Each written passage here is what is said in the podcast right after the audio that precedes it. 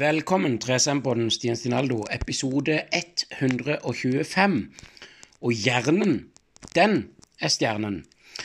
Kaja Nordengen har skrevet ei bok, og den eh, boka har jeg funnet på butikken og fant øyekast for, og den vil jeg bare handle. Og den vil jeg gjerne starte med i dag. Og hjernen er stjernen, ditt eneste uerstattelige organ. Eh, på baksida, før jeg liksom skal sette i gang og lese starten og første kapittelet Kan hjernen trenes opp? spørsmålstegn. Kan du smile deg glad? spørsmålstegn. Visste du at du bruker fremtiden? spørsmålstegn. Hjernen er stjernen, innvier deg i alle hemmelighetene om ditt mest utrolige organ. Hjertelig velkommen til 3SM-podden, og let's go. Du er hjernen din. Da oldtidens egyptere balsamerte sine døde herskere for å forberede de til deres neste liv, ble hjertet omhyggelig behandla og lagt tilbake i legemet, mens hjernen ble kasta. En pinne ble stukka opp i nesa, og hjernen ble vispa til grøt, for deretter å bli sugd ut. Hjernen ble avfall. Det skulle ta lang tid før vi mennesker forsto hva vi er den vi er på grunn av hjernen vår. Enkelte kilder har knytta hjernen til funksjoner som bevegelse og tanke, også før vår tidsregning. Likevel skulle det ta flere tusen år før det ble akseptert at jeget befinner seg i hjernen. Aristoteles og flere andre store tenkere mente eksempelvis at hjernen var et organ av mindre betydning, og at sjelen satt i hjertet. Først på midten av 1600-tallet, altså flere tusen år etter de gamle egypterne gjorde faraoen til zombie, lokaliserte den franske filosofen René Descartes sjelens sete til hjernen. Nesten alt i hjernen ligger symmetrisk opp midtlinja, og vi har to av alt. Vi har for eksempel en venstre og en høyre hjernehalvdel, med en venstre og en høyre pannelapp. Descartes la imidlertid merke til at én struktur, konglekjertelen, befant seg rett på midtlinjen. Det tolka han til å være et tegn på at dette var sjelens sete.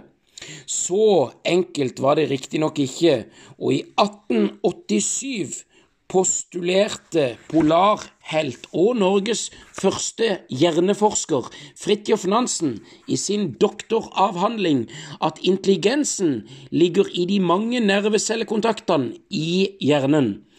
Siden Nansens tid har man sett at ikke bare intelligens, men også glede, forelskelse, forakt, hukommelse, læring, musikksmak, preferanse ligger i disse nervecellekontaktene. Når alle egenskapene som utgjør jeget, befinner seg i hjernen, blir det etter hvert klart at du ikke ville være deg uten hjernen din. Etter hjernens er avgjørelse for liv er en erkjennelse som også gjenspeiles i lovene våre. Hvis du er hjernedød, så er du død. Under forutsetning av at samtykke er gitt, så kan organene dine transplanteres bort og redde andres liv. Det er få av organene våre vi klarer oss uten, men de er likevel erstattelige. Med stamcelletransplantasjon kan vi få en helt nytt immunsystem. Hjerte, lever, lunge, nyre, bukspyttkjertel kan alle transplanteres inn, mens én menneskehjerne ennå ikke har blitt forsøkt transplantert. Når man en gang i framtida overvinner de tekniske utfordringene med hjernetransplantasjon, vil det samtidig reise seg etiske dilemmaer. Hvis en hjernedød person får en ny hjerne, vil ikke den personen man forbinder med kroppen, lenger være seg. Personen som ligger der og ser ut som datteren din, men hvis hun har en annen hjerne, er hun da datteren din? Hun vil ha en helt annen bevissthet, andre tanker og drømmer. Hjernen kan ikke byttes ut, uten at personen også byttes ut. Dette gjør hjernen til vårt eneste uerstattelige organ. I denne boka skal vi utforske hjernens mysterie, alt fra hva som skjer når du forelsker deg, til hvor vi finner jeget. Det dukker opp mange interessante spørsmål når vi snakker om hjernen. Hvem er vi? spørsmålstegn. Hva gjør deg til deg? spørsmålstegn. Hva er personlighet? spørsmålstegn. Hva er fri vilje? spørsmålstegn. Hvor starter tanken? spørsmålstegn. Og i noen tilfeller har vi klare svar, eller i det minste klare indikasjoner fra pasienthistorie og nye funn fra hjerneforskning. Det finnes imidlertid fortsatt mye mysterie, og da må vi la spørsmålene henge i håp om at nye forskerspire og klare hjerner fanger dem opp og gir oss svar i årene som kommer. Hjernen er tross alt det eneste organet som kan forske på seg sjøl. Du vil se at både språk, kultur, levesett handler om hukommelse og hjernens evne til å tolke og se mønstre, og hjernen gjør oss til oss og er årsaken til at det finnes idrett, kunst og musikk. Hjernen er stjernen. Kapittel 1 Tankerevolusjon Menneskehjernens bølgete overflate som minner om utsiden av en valnøtt, kalles hjernebarken. Den er fullpakka av nerveceller og var en revolusjon i evolusjonshistorien. Jo større hjernebark et dyr har, jo større er muligheten for høy intelligens. For 500 millioner år siden så eksisterte kun reptilhjernen, i dag kjent som bakhjernen. Deretter gitt det ytterligere 250 millioner år før den eldste pattedyrhjernen ble utvikla, den vi kaller det limbiske system. Storhjernen og hjernebarken utvikla seg hos pattedyr for 200 millioner år siden, mens menneskehjernen først kom til for ca. 200 000 år siden. Det er det som skulle være i går i evolusjonær Unnskyld, det er som om det skulle vært i går i evolusjonær sammenheng. I boka er det illustrert et bilde med hjernen, hvor en, en strek strekes bort til talamus, til amygdala, til hippocampus, til hjernestammen og lillehjernen, og er fordelt med tre forskjellige bilder av hvitt, rødt og mer mørkrødt på reptilhjerne, pattedyrhjerne og menneskehjerne, og det står figur 1. Høyre hjernehalvdel av menneskehjerne sett fra midten, med de ulike utviklingstrinnene i evolusjonshistorien, vist i ulike gråtoner. Reptilhjernen er markert i mørkt grått, mens den eldste pattedyrhjernen er markert i lyst grått. Den mest utvikla pattedyrhjernen, altså menneskehjernen, er markert i hvitt og enkelte hjernestrukturer som har en sentral og definerbar rolle, er navngitt spesielt. Og For å beskrive den figuren og illustrasjonen og bildet, så kan det sies som at den eldste hjernen er innerst, så kommer den nyeste helt ytterst. Og jeg går videre på reptilhjernen. Reptilhjernen. Menneskets store hjernebark er antagelig et resultat av istiden. Artene med hjernebark responderte nemlig bedre på endringene enn de uten. Dinosaurer med sine reptilhjerner uten ordinær hjernebark var dermed ikke så godt rusta da et meteorittnedslag bidro til store klimaendringer. Arten Stegosaurus veide hele fem tonn, men hadde en hjerne på bare 80 gram. Ja, altså på størrelse med en sitron, står det i parentes. Når man i tillegg vet at denne minihjernen mangla hjernebakk, er det ikke så rart at de i dag bare finnes på film og museum. Selv om det er hjernebarken som gjør oss til jordens mest intelligente art, hadde vi ikke klart oss uten de dype delene av hjernen. Den delen som sitter dypest og er mest grunnleggende for eksistensen vår, er nettopp reptilhjernen. Reptilhjernen består av hjernestammen og lillehjernen. Hjernestammen er den perfekte vaktmester. Den sørger for at alt fungerer uten at vi trenger å tenke på det. Og nervecellene i hjernestammen regulerer pusting, hjerterytme og søvn. De hviler aldri, uansett om vi sover eller er våkne. Og på ryggen til hjernestammen så hviler lillehjernen, og lillehjernen regulerer bevegelsene våre, og hvis den påvirkes av alkohol, blir vi ukoordinerte og sjanglete. Hjernen består av grå og hvit substans, og i den grå substansen, som faktisk ikke er grå, men rosa, i parentes, ligger nervecellekroppene og synapsene, der signaloverføringene mellom nervecellene skjer. Den hvite substansen er motorveien for signalene, og på denne veien går det elektriske signalet i lange nervecelleutløpere. Som alle andre elektriske ledninger så trenger ledningene hjernens isolasjon, og isolasjonsmaterialet i hjernen gjør at signalene går fortere. Isolasjonsmaterialet i hjernen vår heter myelin, og har så høyt fettinnhold at det ser hvitt ut. Den grå substansen finner vi i hjernebarken, altså den både rundt storehjernen og lillehjernen, men det er altså øyer av grå substans i midten i kjernene. Her er det bilde figur to. Hjernebarken består av grå substans, og det er vel òg der vi finner alle nervecellekroppene og kontaktpunktene mellom nervecellene, altså synapsene. Og innenfor den grå substansen så finner vi den hvite, som består av isolerte nervecelleutløpere. Og så er det da altså ei hel side og en figur med et hode og en hjerne, den hvite substansen, den grå substansen, hjernebarken, nervecellekroppen og synapsene illustrert på et bilde. Pattedyrhjernen. Menneskehjernen har fremdeles strukturer fra den eldste pattedyrhjernen. Denne ble utvikla for 250 millioner år siden og kalles det limbiske system. De eldste delene av hjernebarken og øyet av grå substans med nerveceller inne i hjernen inngår i dette systemet. Disse øyene med nerveceller kalles kjerne, og mange av de er viktige for grunnleggende funksjoner. En engelsk huskeliste for å plassere disse funksjonene tar utgangspunktet i de fire F-ene.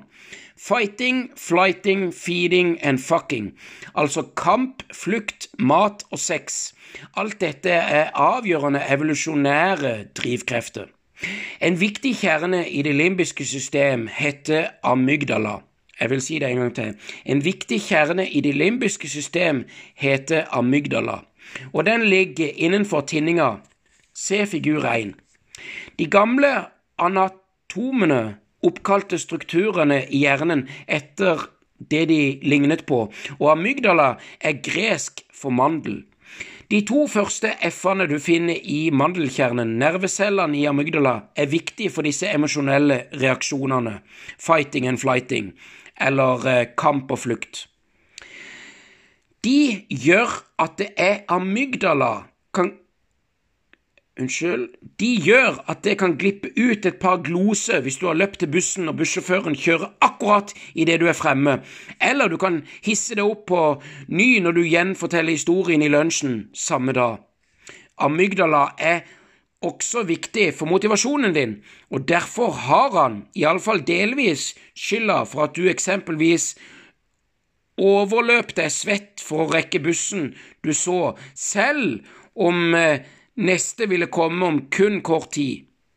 Når du seinere samme kveld går hjem i mørket og hører skikk Eh, skritt bak det, og kanskje øke gangtakten en smule, da er det igjen amygdala som arbeider, og selv om du har vært i trygge omgivelser og ikke hadde noe å være redd for, så ville du kjent intens frykt hvis amygdalaen din ble elektrisk stimulert.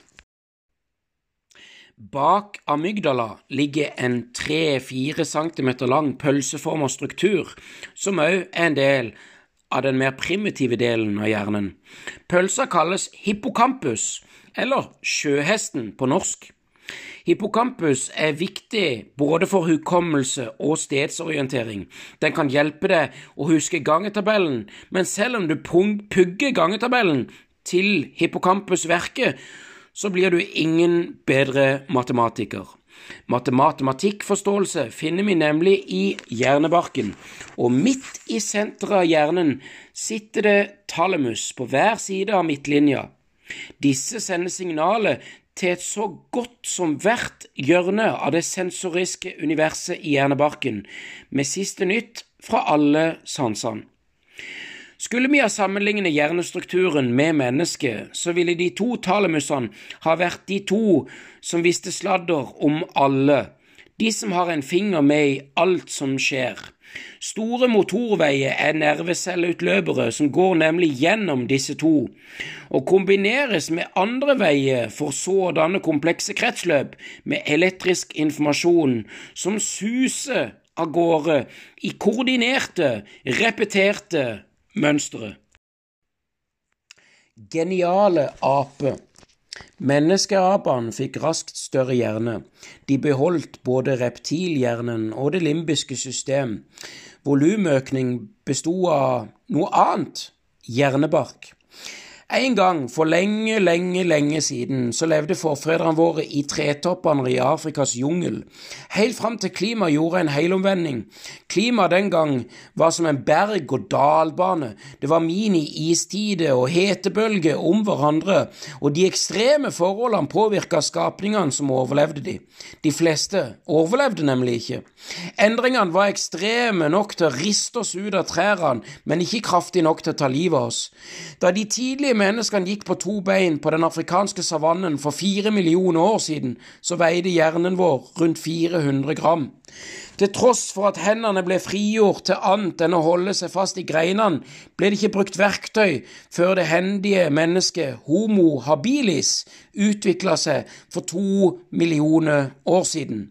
Da hadde hjernens størrelse økt til drøye 600 gram. Det var imidlertid ikke akkurat sofistikerte verktøy Homo habilis omga seg med. For det meste så tok de seg tak i steiner og slo de inn i ting. Og for å yte Homo habilis sin verdighet ble disse steinene kalt håndøkser. Bruk av verktøy var et gjennombrudd, men mennesket er ikke den eneste skapningen som kan benytte dette. Delfiner bruker biter av havsvamper til å beskytte snuten sin når de skal rote på bunnen etter byttedyr. Kaktusspurve bruker kaktustornet til å fiske larver ut av hull, mens sjimpanse bruker greiner til å fiske termitter ut av trestammer. Å bruke verktøy til å fiske ut termitter er imponerende nok i seg sjøl, men det er likevel et stykke igjen før sjimpanse skriver symfonier. Det må altså ha skjedd noe mer i menneskets evolusjonære historie, noe som gjør at tankene våre er unike. Enda en million år gikk, og Homo habilis ga vei for Homo erectus, i eh, parentes det oppreiste mennesket, parentes slutt. Som nyttiggjorde seg ilden og begynte å jakte, Homo erectus var i mindre grad styrt av de primitive delene av hjernen enn sine forfedre ble. Hjernen hadde igjen nesten doblet sin størrelse, nå til hele 1000 gram. I stedet for å løpe vekk fra ilden forsto Homo erectus at de kunne benytte seg av den. Ilden ga lys, varme og beskyttende med vandringen videre ut i verden, og for 200 000 år siden ble det så moderne mennesket Homo sapiens utviklet, med en hjerne på 1200 til 1400 gram. Homo sapiens betyr det tenkende mennesket og hjernen er da også tre ganger tyngre enn den var forgjengeren vår først reiste seg opp på to bein. Et menneske som levde bare 3,8 millioner år tidligere. Og i takt med en stadig voksende hjerne har vi utvikla en intelligens som er helt unik for mennesket. Det er imidlertid nok av eksempler på at det ikke bare er størrelsen det kommer an på, Delfiner har omtrent like stor hjerne som oss, uten at den av noen grunn gir dem en like velutvikla intelligens. Også sjimpanse og kue har hjerne i omtrentlig samme størrelsesorden som oss, uten at det gjør Dagros spesielt kreativ eller nytenkende. Så hvorfor holder det ikke å ha størst hjerne? spørsmålstegn. Elefanter og enkelte hvaler har enda større hjerne enn oss. Hjernen til en blåhval f.eks. veier hele åtte kilo. Til gjengjeld så veier jo blåhvalen 100 tonn. Jo større kropp, jo større hjerne. Så hva da med eksempelvis gorillaer, som er to–tre ganger større enn oss? Er hjernen deres tilsvarende større enn vår? spørsmålstegn. Det er faktisk motsatt. Hjernen vår er to–tre ganger større enn hjernen til en gorilla. Det er kun hvaler og elefanter som har større hjerne enn oss, altså de største dyrene i henholdsvis vann og på land. I forhold til kroppsstørrelse er menneskets hjerne likevel størst. Det hjelper ikke at en blåhval har en hjerne på åtte kilo når IQ-en ikke måles i kilogram. Det er ikke slik at eh, to store hjerner har samme antall nevroner og lik evne til komplekse tankeganger.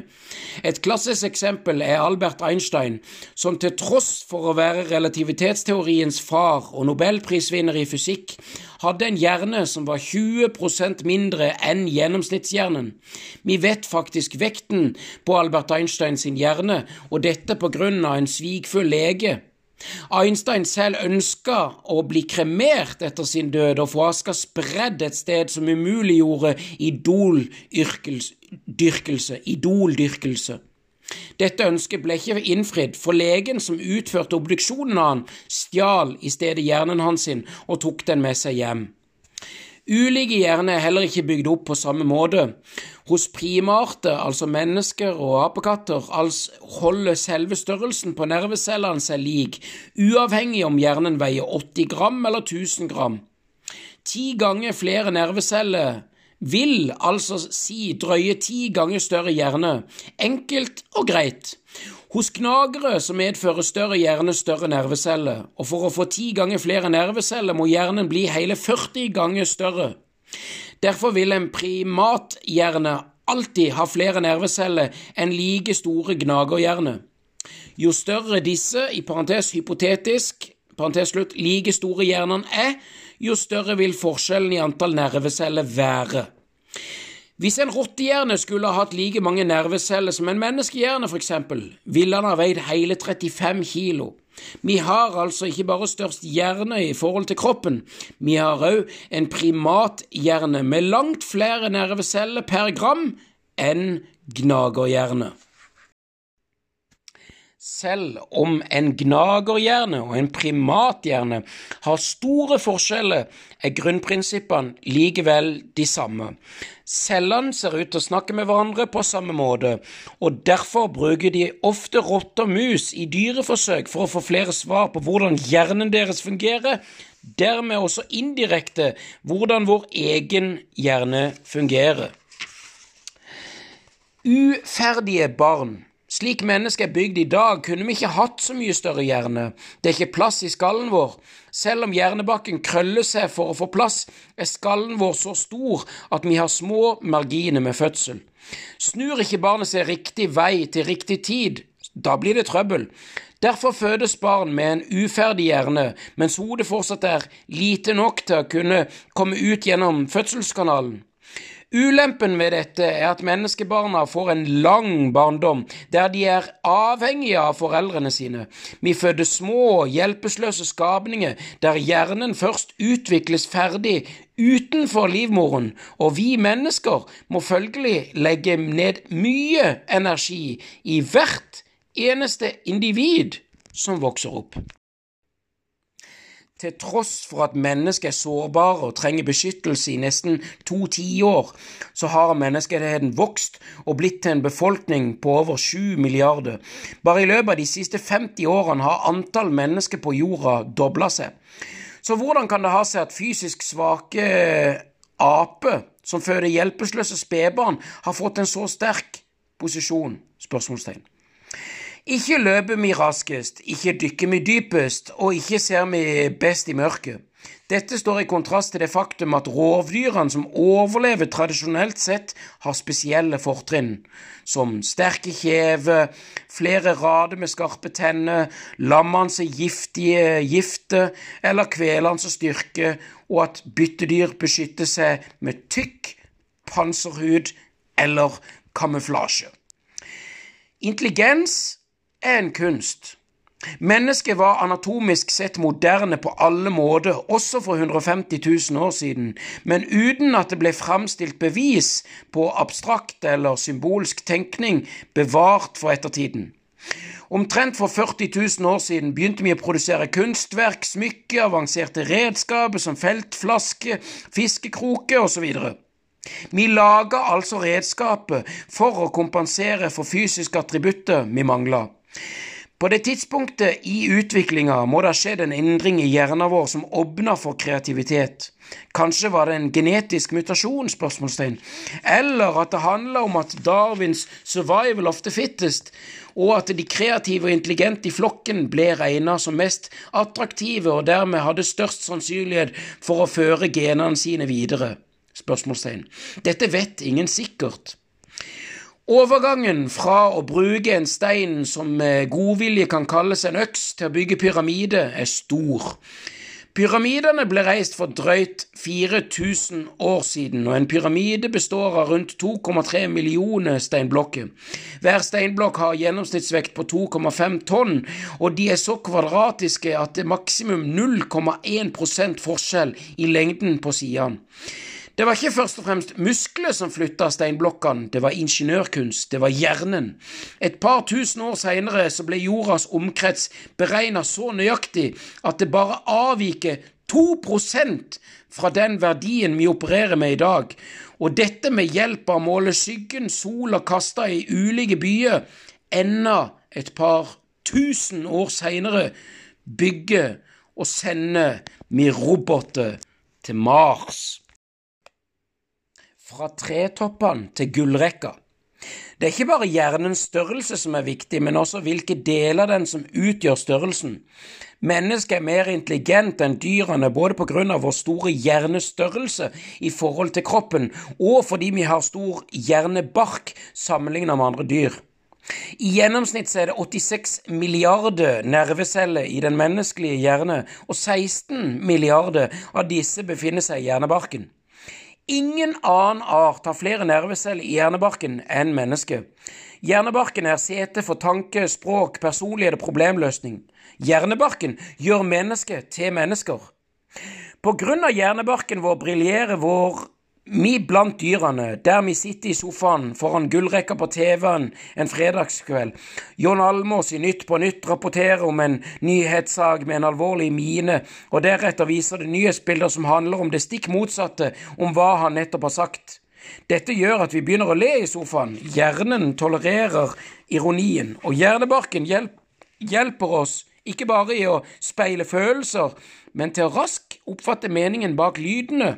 Og å forstå at noe som eh, tilsynelatende er sagt i ramme alvor, likevel er ironisk ment.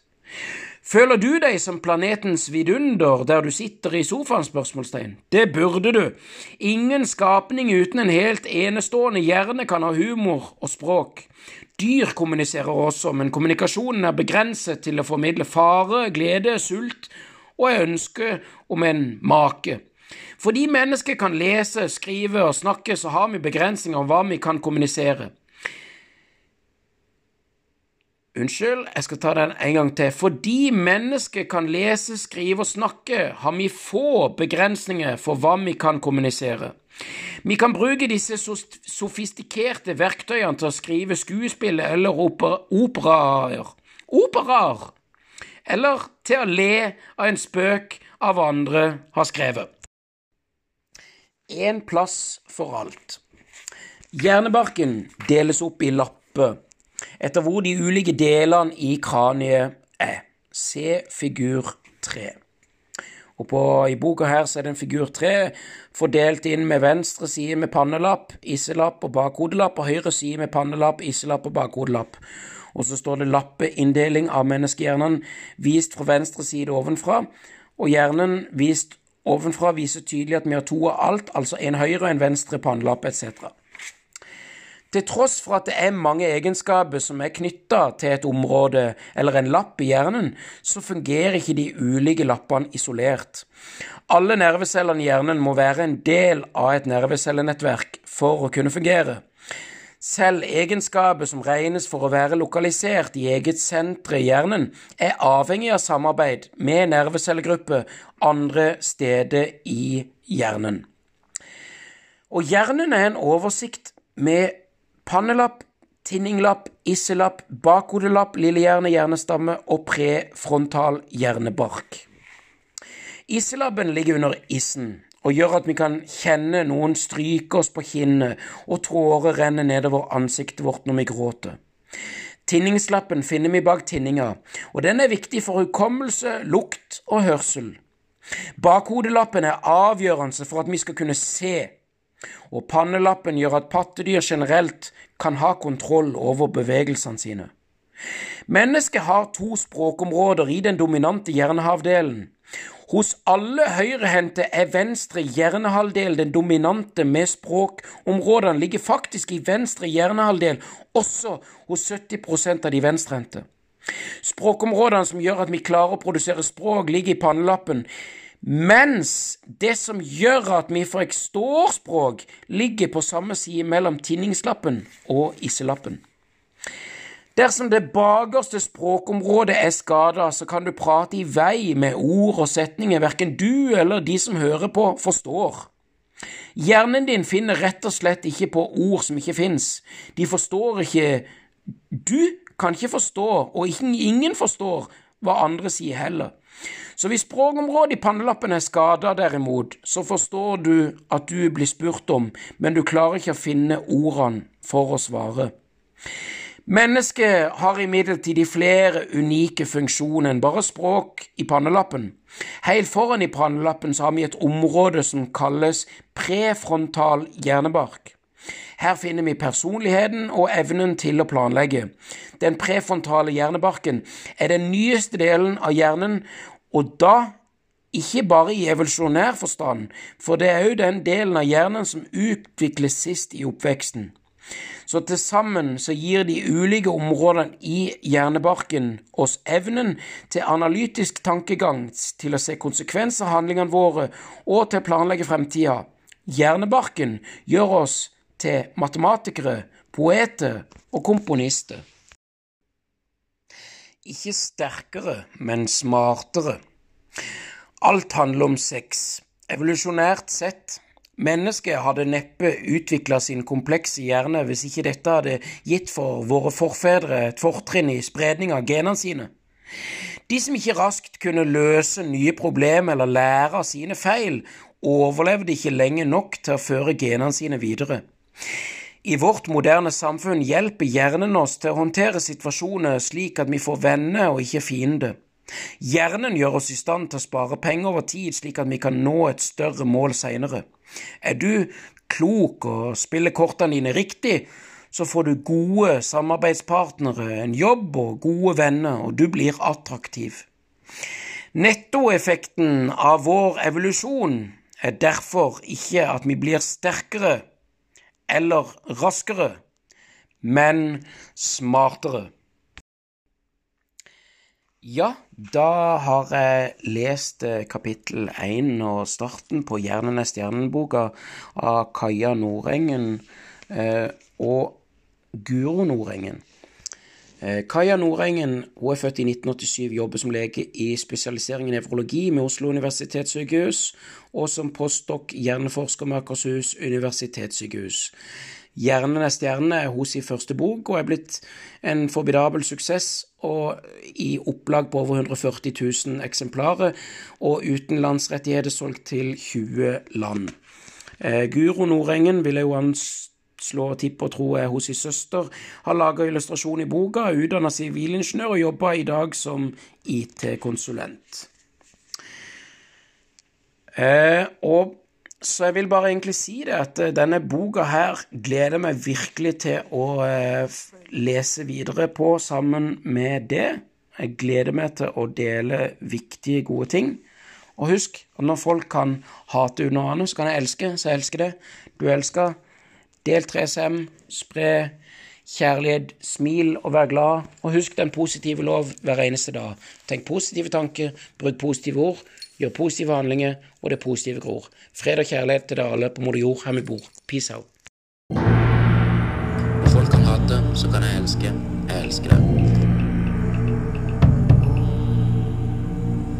Instagrammen min ssshow2020. Nettsida mi 3sm.no. Du er elska.